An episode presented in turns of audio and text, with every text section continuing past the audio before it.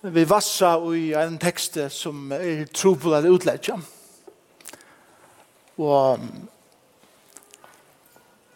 jeg vågner at uh, hendan røyen fyrir ikkje at uh, gjer okkom dogmatisk av noen omræje, men heldur uh, åpnar egen ikkje okkom fyrir uh, kanskje er skriften nekk breiare enn vi gjer okkur fær om.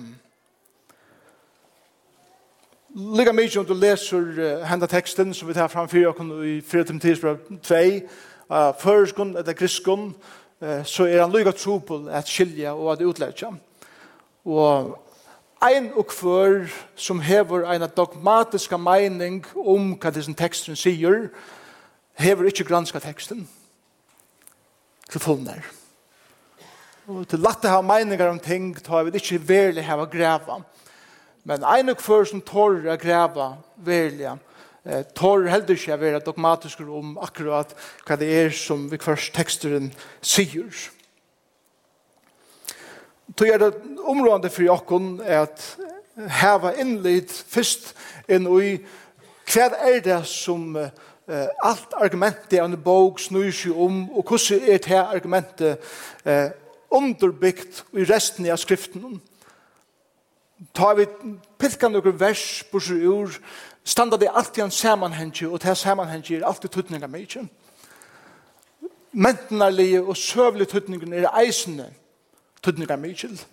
Tøy er at brøvene som er skriva i, og bøkene som er skriva i skriften, er skriva i, og en avviser tøy til avvis folk, av avvis folk, til avviser omstøver vi først er det mer regler som er alltid galdande, og til ære tøyer er det mer regler som er spesifikt til omkran avvisan eh, trobeleik eller omkran avvisan avbjøving. Nær er det ikke, og nær er det til en av store trobeleikken til okken som nå liva 2000 år 17.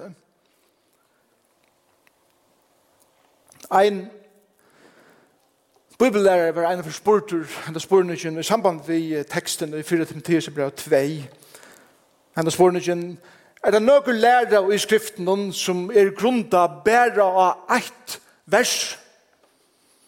Og han sverar, sjálvan det er det ikke til. Så spurte vi kommer til å gjøre, men er det satt at utleggingen av hesum versen i 4. Timotheus brev er grunda av hvordan du omsetter eitt sagnord, som bare er brukt en av fyr i nødvendig testamentet.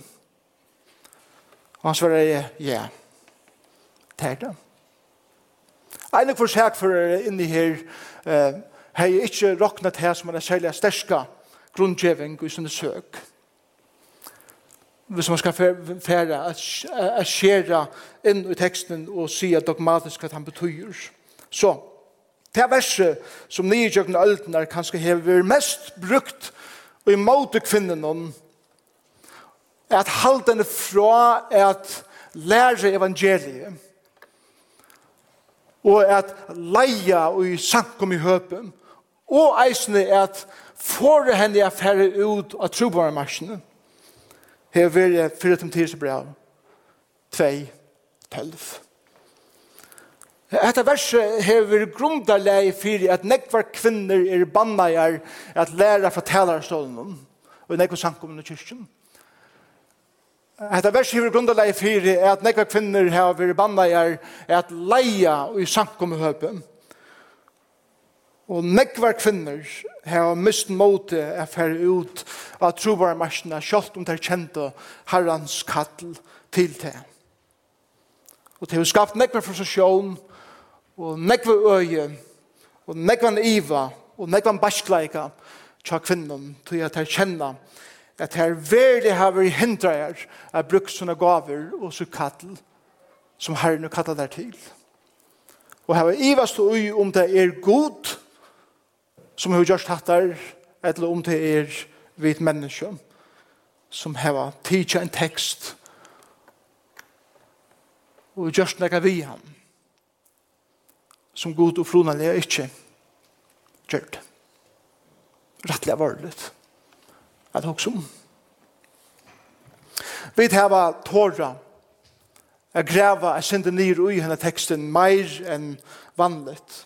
Og vi har funnit hev at høves båskaperen i tisar brevet er hesen båskaperen at, at Paulus talar imot vandanon av vittlære i samkommunen og om tøtningen av at heva en ratta lærum.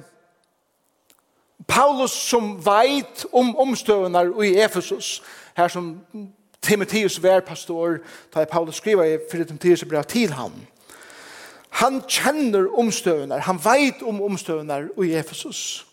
Og, og vi tar så senast om at det ser ut til Legg mest til, det ser ut til møvelige, kanskje, vi vet ikke ordentlig, og så videre, er, er maten som er at komme etter sånn her, tog at jeg hadde det til, til den mest eimjøkje maten å gjøre det.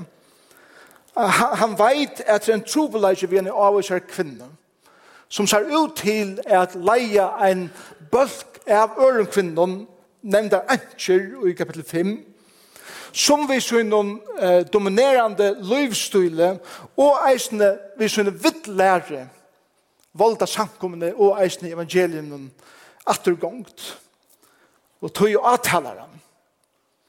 Og han avlekker hesson av bøltsjonen eh, at tia, og djevast vi at lære at det som er skreft, og at være eimjuk nok, og stittel nok, og lyen nok, at leta seg lære, åren til for ut, så at lære hvor gjør det. Tøtningen er rattere lære.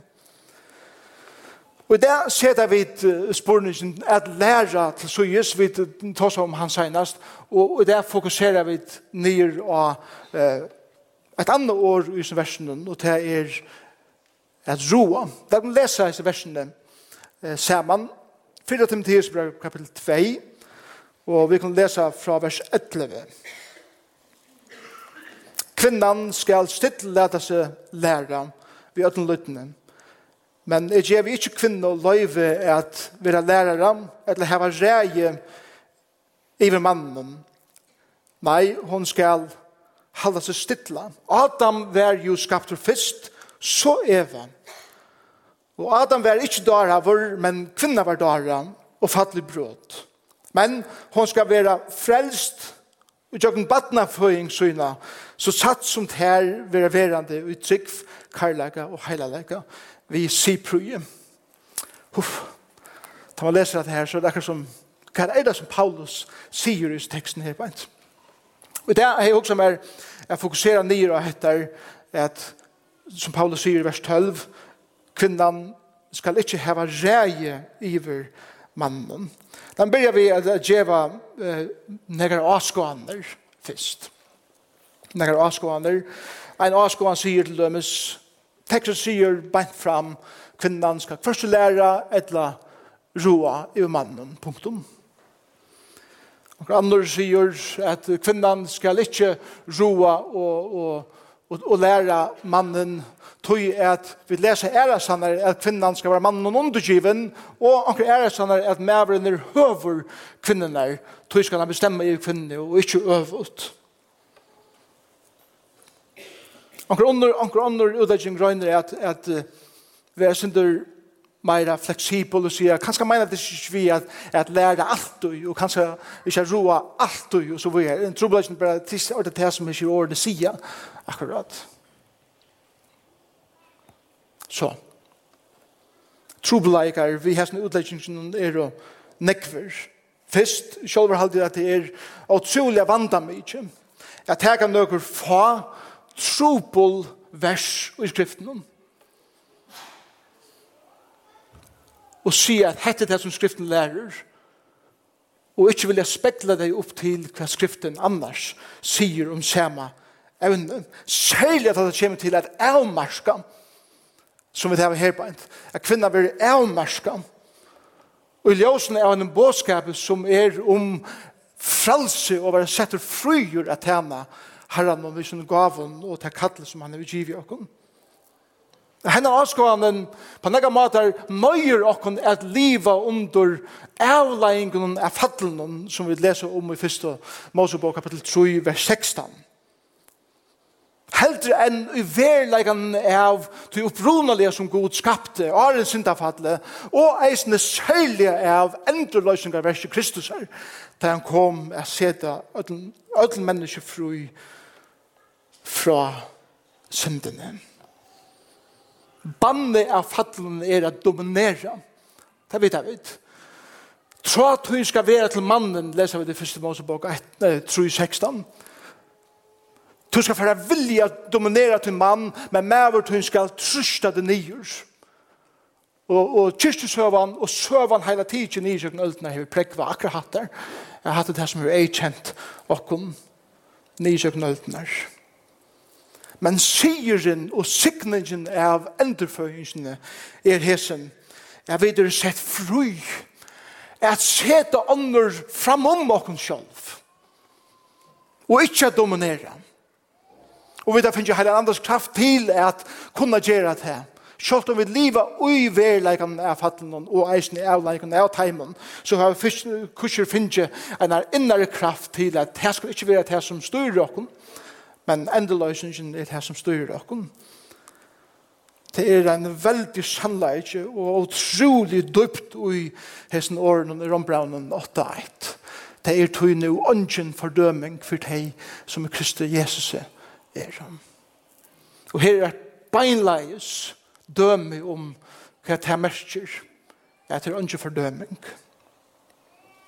Det neste, som, som vi hadde i trobladjen, vi, vi snu utledgen er til at undergivne og læren om at maveren er høtte, halde er, er nekker av de aller vekraste sannleikene i skriften, eh, til det kommer til forhold. Men det tilhøyrer tjonabanden, og om du først er blanda til å være undergiven, og at mæveren er høtte inn i sankommeløyve, så får vi store trobeleikar.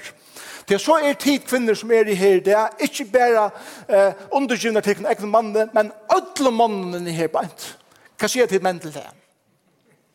Og til døtrar, og mine døtrar, er undergiven ein og hver mann inni her beint. Og det hever haft, og det kan heva utroligar og rævligar avleggingar vi ser. Og tog skulle vi ikke blande hese bei tingene saman. For jeg tar så lysen til om det, i forhold til tjunabandet neste sundag. For jeg lykker nevne det, til at det er viktig at jeg lykker nevna det. Tog er at, for jeg sier halvdige, nemlig at her, er at konseptet er å være undergiven. Konseptet er at maveren er høtte er fullkomlig fordreie eisen nye kjøkkenen tøyen er. Og vi har mist sjånene av vekerleikene og i underkjøvene til hver annan. Og hva det betyr er være høtt. At det rører seg selv. Så vi kanskje er en færre takla, men for lykke å nevne det nästa söndag helt kött. Nästa söndag blir det en annars sista tälan och Jesu röjen. Och för det fjärde är det här året hebant att roa iver som som hever en avisen tutning som är viktig för oss att hitta efter så tar vi tar vi gera en granskan av åren och i agreskon eller kvar måla så er, så det tuttningar mykje, jeg finner til hvordan året vi brukt Og ta vi så lesa hendan teksten, så, så vidar vi alt som, som du og andre mål, og, og, og som lesa grekst og hebraist, vidar til at ta du teker et ord, så er det ikke bare ein møveleikje at omsette det året på. Det er et hev av møveleikon at omsette ord. Alt etter hvilken kontekst det stand i, og hvordan det var nytt, og så videre, er det utrolig områdende for dere at vita år vil vera stort av kontekst, av, av mentan, av kulturen rundt om og alle tingene her. Og det er viktig for åkken her, nægge av innlitt inn i, inn i det. Året eh, jeg tror over her er året autentain av, av greskum. Og det ser jeg tro på året omsøtta, tog jeg at vi kunne ikke hitje, ok, hvordan vil dette året brukt æresander skriften til at det er eneste steg og i ødler, ødler bøypene at dette året vil brukt hele tiden. Og så har hun si, ja, Paulus, hvor kan du ikke bruke et annet ord? Så jeg hette var året som var viktig for ham å bruke. Så vi vil ha nødt til at hitje i annan lesator som vi kallar for ekstra bibelskan litteratur, altså litteratur utanfor bibelene, og, og hitje er at hvordan året vil brukt. Det hjelper oss ikke reale vel helt til at det gjør oss øyne nekvar imenskar møveleikar, og det er ikke brukt så rævliga ofta i øren litteraturen. Men vi vet at her ferien er hette året autentain ver nytt, så har det alltid vi til at gjøre at dominera eller at teka reie av omkring øren, eller at vilja bestemma og i ankerføren er at nøyta herskap i måten øren til tess jeg bestemmer i vrømmen. Så så så så det beina vi nu og låsen er her som sier her det kan ikke være sankum og lastla som, som Paulus tåsar om her han tåsar om det ekvisligere dominanse og i sin teksten her beint. Og det er viktig for åkken at jeg får egen i oppfyre. Jeg hadde ikke bare tega noen år, og så bruker det i en øren kontekst, og sier at det er det som det betyr.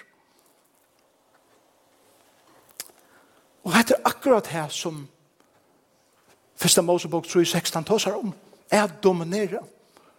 Og det er ørslig det avhøysen her, er at vilja dominere og styre øren. Det er det som Paulus tåsar imot. Men Det er flere muligheter enn til. Er at omsette denne teksten. Så vi kunne omsette denne teksten. Eh, jeg gjør ikke finne løyve at lære vidt lære, og jeg gjør ikke løyve at dominere i mannen. Så kunne du omsette. Og det gjør mening. Men til, til flere muligheter. Gjør det enda mer forvirret. Gjør det enda mer innleden i hvordan størst det er. Onkur sier, og akkurat omsettet så leis, Jeg gjør ikke kvinner løyve av lærere, eller av rei i mannen. Til flere bibellærere som eisne hittar disse teksten, og sier, jeg møvelig ikke at omsende teksten er så leis. Jeg gjør ikke kvinner løyve at lære mannen at hon skal roa iver honom. Så det er ikke nå at roa, eller at lære og at roa, tve element, men faktisk er det ett element. Jeg gjør ikke løyve, kvinner løyve at lære mannen kvæt, at hon skal roa iver honom mannen. Det er en møvelag i eisen et omsida etter verset. Men en annan møvelag i eisen i i mån til hvordan året av tentegn vil brukt. Og det er, kan eisen omsides er være opprunnet til nekam. Opprunnet til en eksistens. Så tog jeg hadde nekker bibellærer at dette verset mulig kan omsette så leis. Jeg gjev ikke kvinneløyve at læra mannen er at hon er opprunnet hennara. Det er rettelig av, er særlig. Det er jo pura som mening til Paulus, og knappt jeg sier, Adam var født først, ikke Eva. Og som sier senast, en av trobeleikene fra Artemis-tempelen i, i Efesus, vært at disse kvinner kommer inn og blir å lære en av omvända skaparna sjøve at faktisk var kvinnan født først, og mæveren fattelig synd, og tog skal mæveren undergjøring kvinne. Det var det som var last. Og Paulus taler beinleis seg mot det tog i hebent, og sier, nei, nei, nei, rette skapen av sjøene er det, og så viser han det i teksten. Og han vidtjer troblagan beinleis, visen her, at kvinner kommer inn og vilja dominera og tega reie, og bruka syndafattelig og til viljan er trusta ånderier å få det inn i samkommene til det som han taler imot. Ta i vet ikke at åren under skriften eh, vi viser det at leia så, så var året eh, autentain ikke brukt men exousia exousia er et år som hever vi laslo agera og ta i året vi har brukt og i nødvendig som hente så er det alltid sett i samband vi at tæna Altså, jeg leie vi tror for eie at tema. Jeg leie vi tror for eie at heva omsorgan for jokken øren. Jeg leie vi tror for eie at omfevne andre mennesker og at lytte deg opp og at sette deg fri at verja og være fire myndelige. Det er det som året at leie i skriften veldig ofte vil sette samband vi. La meg gjøre det døme som Jesus gjør i Matteus 20, bare helt kjøtt. Matteus 20, vers 25 sier så leis, ta røpte Jesus tar til sin og sier, tid vite at høvdingar tjåna vilja valda taimon. Og at stormen tarra vilja, vilja leta tar kjenna valdsut. Så det er dominansa som han tåsar om her At heimeren og, og, og, og lasla ofta brukar dominansia trusta folk nyer for at heva makt. Så sier han vers 26, så skal ikkje være tja tikkum, Nei, tann artikkel som står vil vera, skal være tænare tikkara. Og tann som fremstår vil vera av tikkun, skal være træler tikkara. Eins og mennesker som er ikke kommer at leda andre tæna seg men at tæna sjolvur og at djeva løsut til løsutjalt firmank. Hatte konteksteren av nøytestamentlige lærsle, det som det betyr at leia, ikke nærkant vi er en dominerande måte er, være på. Så, ja, det er rett. Kvinnan skal ikke heve reie i månen, eller noen øren, og at han hatt at hun skal dominere. Men det skal maveren heldur ikke. Det skal ånden. Til eisen rett at det er skreft at læra en skreiva skaparsøve, som Paulus eisen taler møter. Men det vil ikke sige, og vi tog sige Paulus ikke at en kvinna og en avbyrrafotland hatt og en tænande hatt kan leia ved til menn et litt og eisen til at leia saman vi mannen føpe dominer, dominerer ikke selv om hun var innsette leier i samkomne kan krea men hun tante menneskjen her. Vi som leiende måte er vi på Tog vil jeg eh, tega sammen om 4 Timotheus 2 på henda maten. Paulus taklar troblakar vi kvinnon som kommer inn vi vittlære og vilja ikke teka, eller, og vilja teka reie av mannen i sankum Efesus. Paulus talar i måte tog. Hesa kvinner får forbo at læra, hesa vittlæra, og til å være i stegen bittnar at halda seg stittlar og leta seg læra sannleikan og gjøre den løtene. Hesa Hesa kvinner få eisen forbø er bruka en forførende framførerhått og en dominerende måte er veri på ved å tega reie av mannen samkomne. Paulus peikar av vittlære som tar lære og han kallar det atur til sånn og skapende sjøene. Banne at læra og at leia er ikkje tog at her kvinner. Fag at her vi er Banne heban som Paulus er ikkje tui at det er kvinner. Banne er fyrir kvæte er som er last. Og her som fører er det kvinner som gjør det. Men til lyga satt om det hever menn som lærte dette her, at han er bygget her tida og sitte og lærte seg lære og ikke dominere. Det er det som teksten lærer oss Tog i tæt ikke så vers som er vi på, og i nøkta, og i nøkta ødlom kvinnen til alle tøyer at læra etter at leia. Men tæt ikke det som er på, som nøkta bæge mannen og kvinnen til alle tøyer at læra vidt lære, og at leia av en dominerande hatt. Og det store moner var tøy. Og så tås han om fattelig. Og så kommer det til det underlige verset i vers 14 og hon skal være frelst i badna føring sin. Men kanskje er en underfull sannleikje i disse versen. Vi er i konteksten av fattelen. Og i første målsbok, tror jeg, 15, sier Paulus, jeg ser det futtjenskapet mittel til og kvinnene han skal såre høtte av det her, og du skal høkke han i helen. At det pro evangelium, at det første evangeliet som er prætika.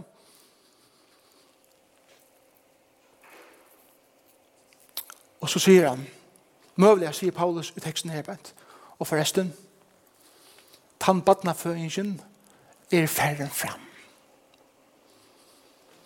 Ta Jesus Kristus, så kvinnen der, vær føtter, Og han er kommet og han har sett öll mennesker fri. Og til tann badnaføringen som, Jesus møller, som Paulus møller sier partileper, til føring Jesus er nu til endurføringen som frelser begge menn og kvinner. At det er møvelig tulking av sånne her versene eisene. Her har du hoa vassa gyprøm? er verre som lever enn. Det er viktig for meg å ta et element av tjent. Og det er et her at onkel sier, ok, jeg kjøper det her. Men jeg kan, du måst minnes, du måst minnes til. Ja, det tredje kapitlet i 4-10 brev er tåsa og beinleis om eldstar. Hva det er omkjønner menn her. Og det er tala om i kaltkins form. Det er kaltkins ord som vi brukte om menn, og så var det eisende tala om i, i, i tredje kapitlet, at en eldste, eller omkjønne maver, skal være med vår eina kone. Og tala er pura greit, er at det er kaltkins år som er brukt her beint, og at maveren skal være maver eina kone, så lærer det pura greit til at sankt kommer lasla, er vi en eldste, er bæra kone fire menn. Her er sett, da vi kommer til 8. vers i 3. kapitlet, så får han bruke et annet år, sankum tænare, og det er diakonos. Hitt året som man, som man brukar for eldste, er året episkopos. Um, året biskopor kommer herfra, det samme året, men episkopos, omkjønner med over, og diakonos, sankum tænare. Og så tåsar han samkommittenare og mitt i, i tog argumentationen i vers 11 tåsar han så om kvinnorna. Och så sier han att så ser at att tema sier til at en kvinne kan vara en samkommittenare. En samkommittenare er en praktisk person i samkommunen som sier til för att det er praktiska. Ikke det antalliga som är er praktiska. Og det kunne kvinner godt være. Og det kunne kvinner og menn gjøre det praktiske samkomne, men det er bare menn som skulle være i samkomne lærsle. Jo, hette leie til nekva spurningar et sted. Kunne så bare gifte menn vi helst der? Avhørte spurningar. Ikke å gifte menn. Ikke oppade gifte menn. Ikke ikke menn. Hvordan er man skal det være?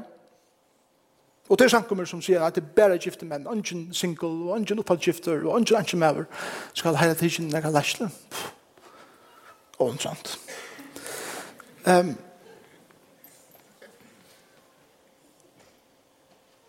Jeg hadde argumenteret for at en skipan skal være så løs bare at hun er grunda av kalkins år.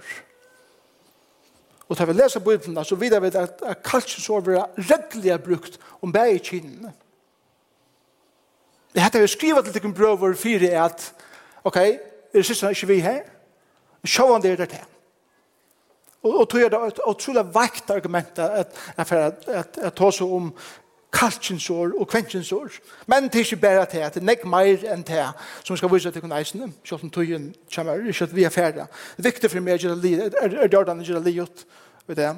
Vi bryr ikke for en tøy som driver, heller. Det er tre år som er brukt om eldst under judismentet. Et år er episkopos, som jeg akkurat har sivet til.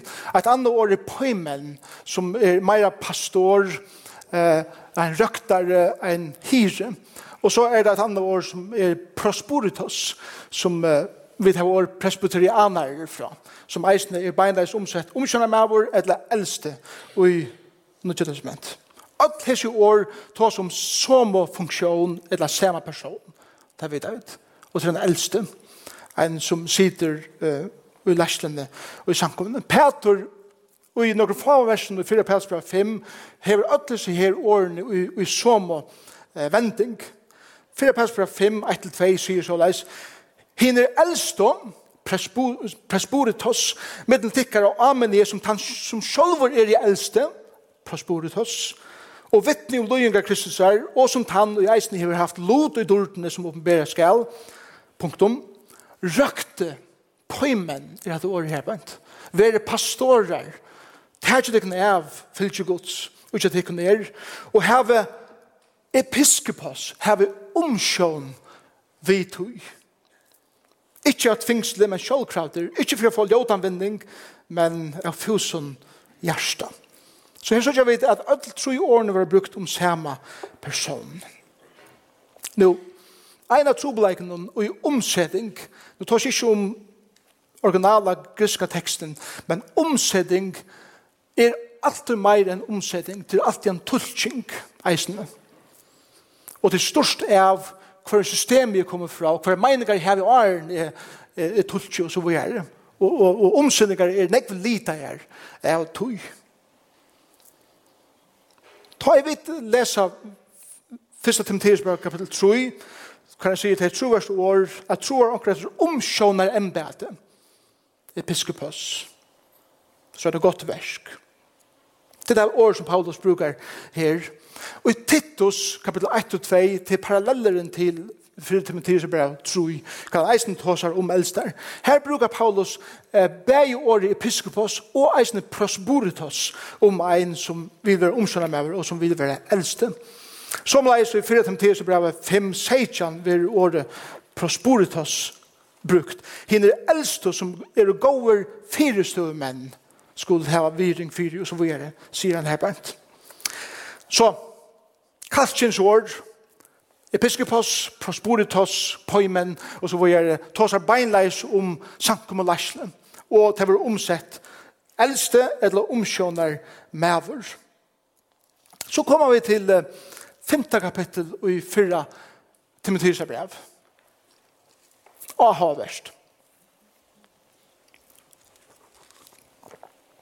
Her leser vi Gomlun manne måst du ikke seta herlige et. Kallet det året brukt her. Prosporitos.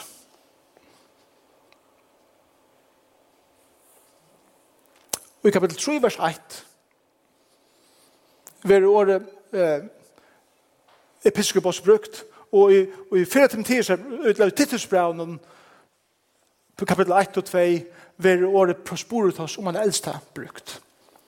Hever det eisne året prosporitas brukt, og eisne hvis det ikke er Titus 2 og vers 2, at gamle menn skulle være frahaldende som vi er.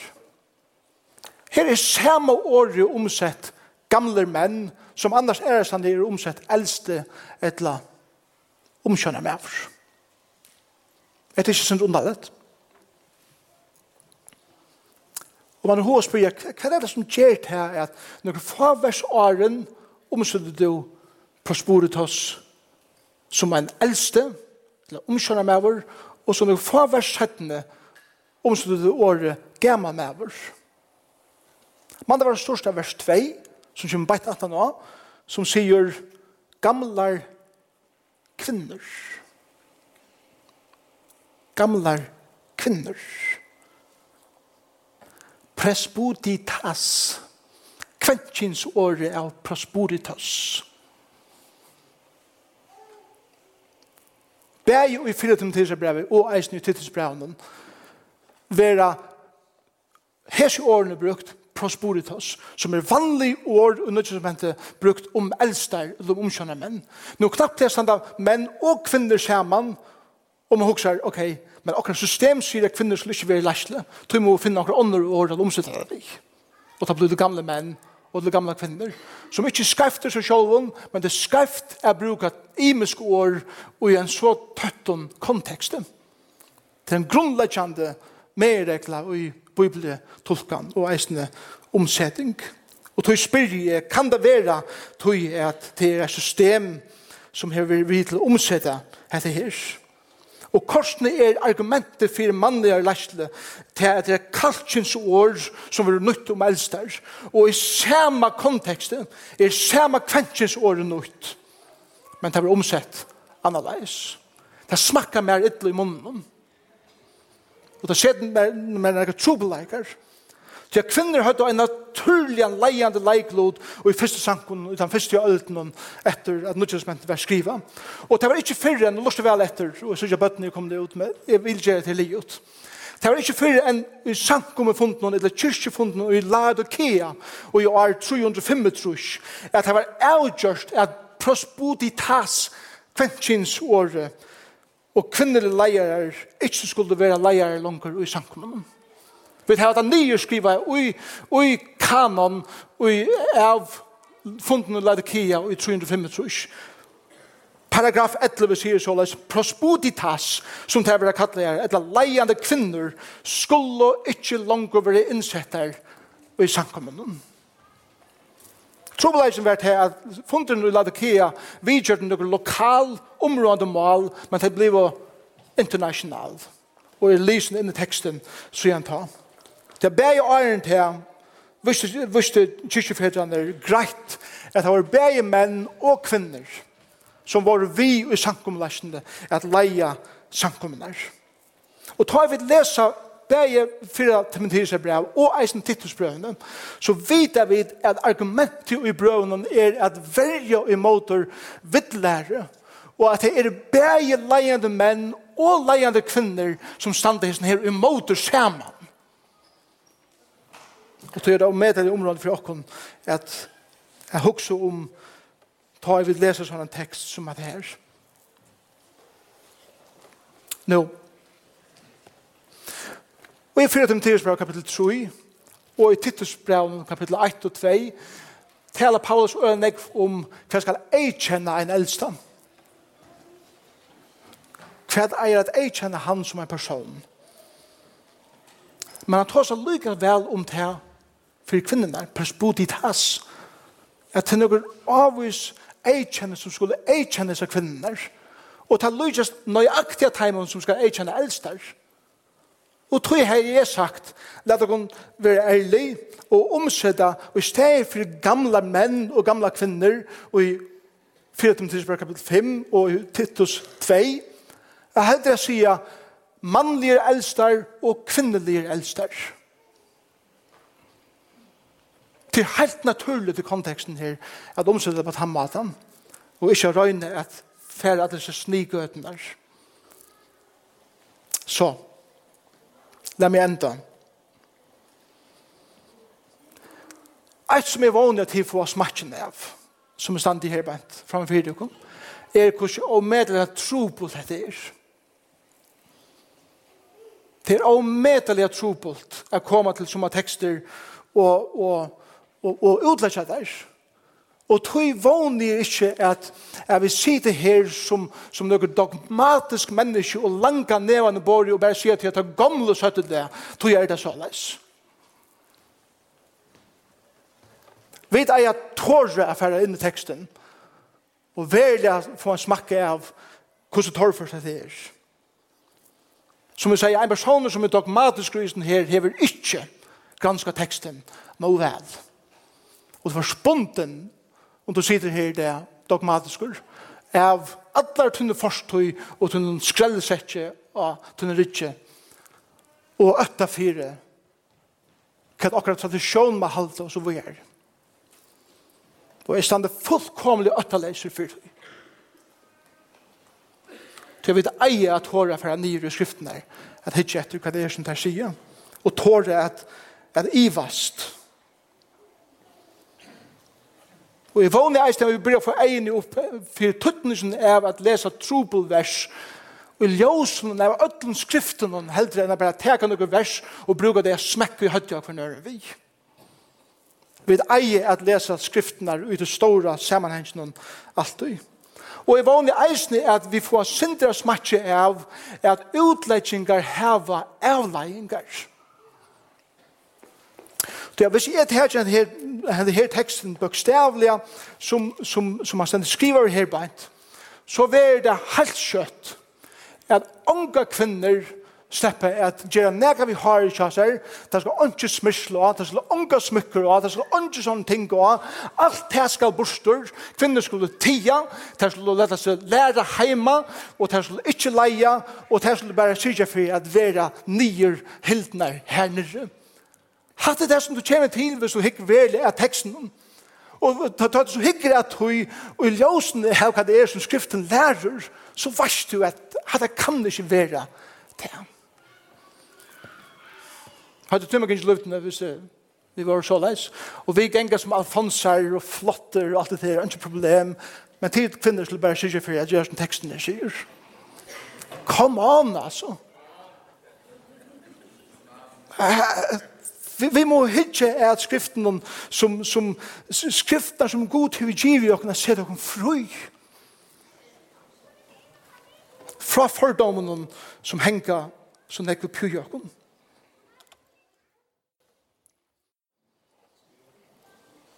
Så, i stegen fire, jeg gjør det hese vers til evige lover og i sankum i høpen så halde jeg vet jeg heldre bruka maten som Paulus vidger troveleikan tar vi komme som støve er vidger troveleikan vi gjør nøren ta i folk kom inn i sankumnar og vilja se det og bråta fralse som det gjør i fyrre krimpere av fyrstan at farsierne, at frelse farsierne kom inn og sa at fai kvinner tia og tæst bare lære heima. Og Paulus sier hei god givet tikkna en særlig oppenbering neivan ja Etter at menn kommer inn, og kvinner kommer inn, og skulle lære skreft, er vi tåra at hele måter.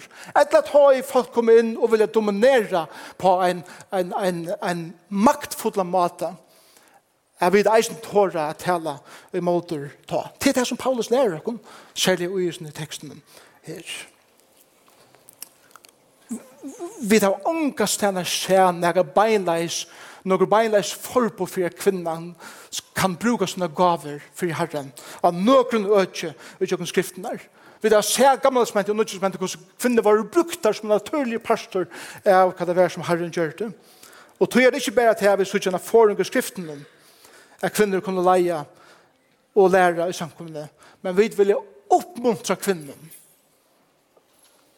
som er tryggve eisne i Bibelen gjør at trakka inn i ter gaver og ter tænaser som Herren hever kattla tikkun til.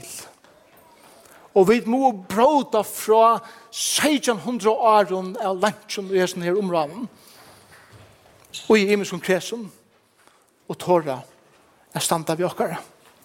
Nasta fer endtid, så røyna, og for å ta seg om negar spurningar at seg og eisne eh, nokre praktisk ting om hva det er så betyr og hvordan det så ser ut for åkken og i luftene. Det er neste fyr om Herren, hvor jeg vil komme. Takk for det.